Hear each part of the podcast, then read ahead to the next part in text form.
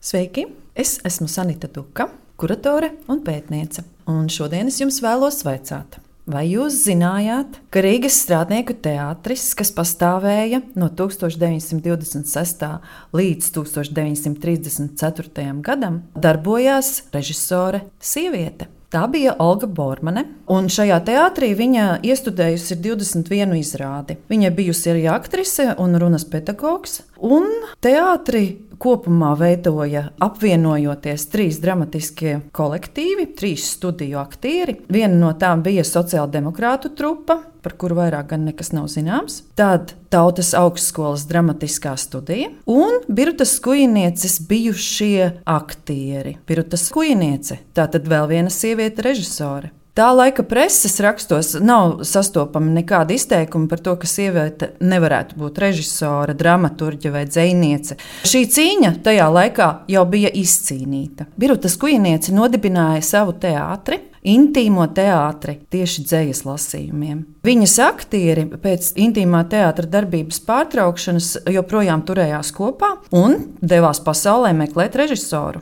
Tajā laikā nesen Rīgā bija ieradies Gruzīnu izcelsmes, Krievu skolas aktieris Jurijs Jurovskis. Viņš piekrita ar viņiem padarboties, nodarbības pārtapa par izrāžu iestudēšanu, un tad jau tika atrasta arī pajumte - strādnieku biedrība apziņa. Jurovskis strādnieku teātrī iestudēja 28 izrādes, un viņš bija arī tas, kurš veidoja šī teātra pirmo pirmizrādi. Bet no pirmās sezonas strādnieku teātrī darbojas arī Jānis Zariņš, un viņš ir iestudējis vairāk nekā desmit izrādes. Dažas izrādes ir veidojuši arī Jānis Šāberts, Teodors Lācis, Ernests Feldmanis, Alfreds Amtmanis Briedītis un Dailas teātra premjeras Kārlis Veits. Kārlis Veits aizgāja uz strādnieku teātri, kur viņš gribēja spēlēt izrādes. Un iestudēt izrādes. Atšķirība ir tā, ka Dēls teātrī bija viens galvenais aktieris un režisors Eduards Smīģis, un viņam bija tādi spēcīgi pretspēlētāji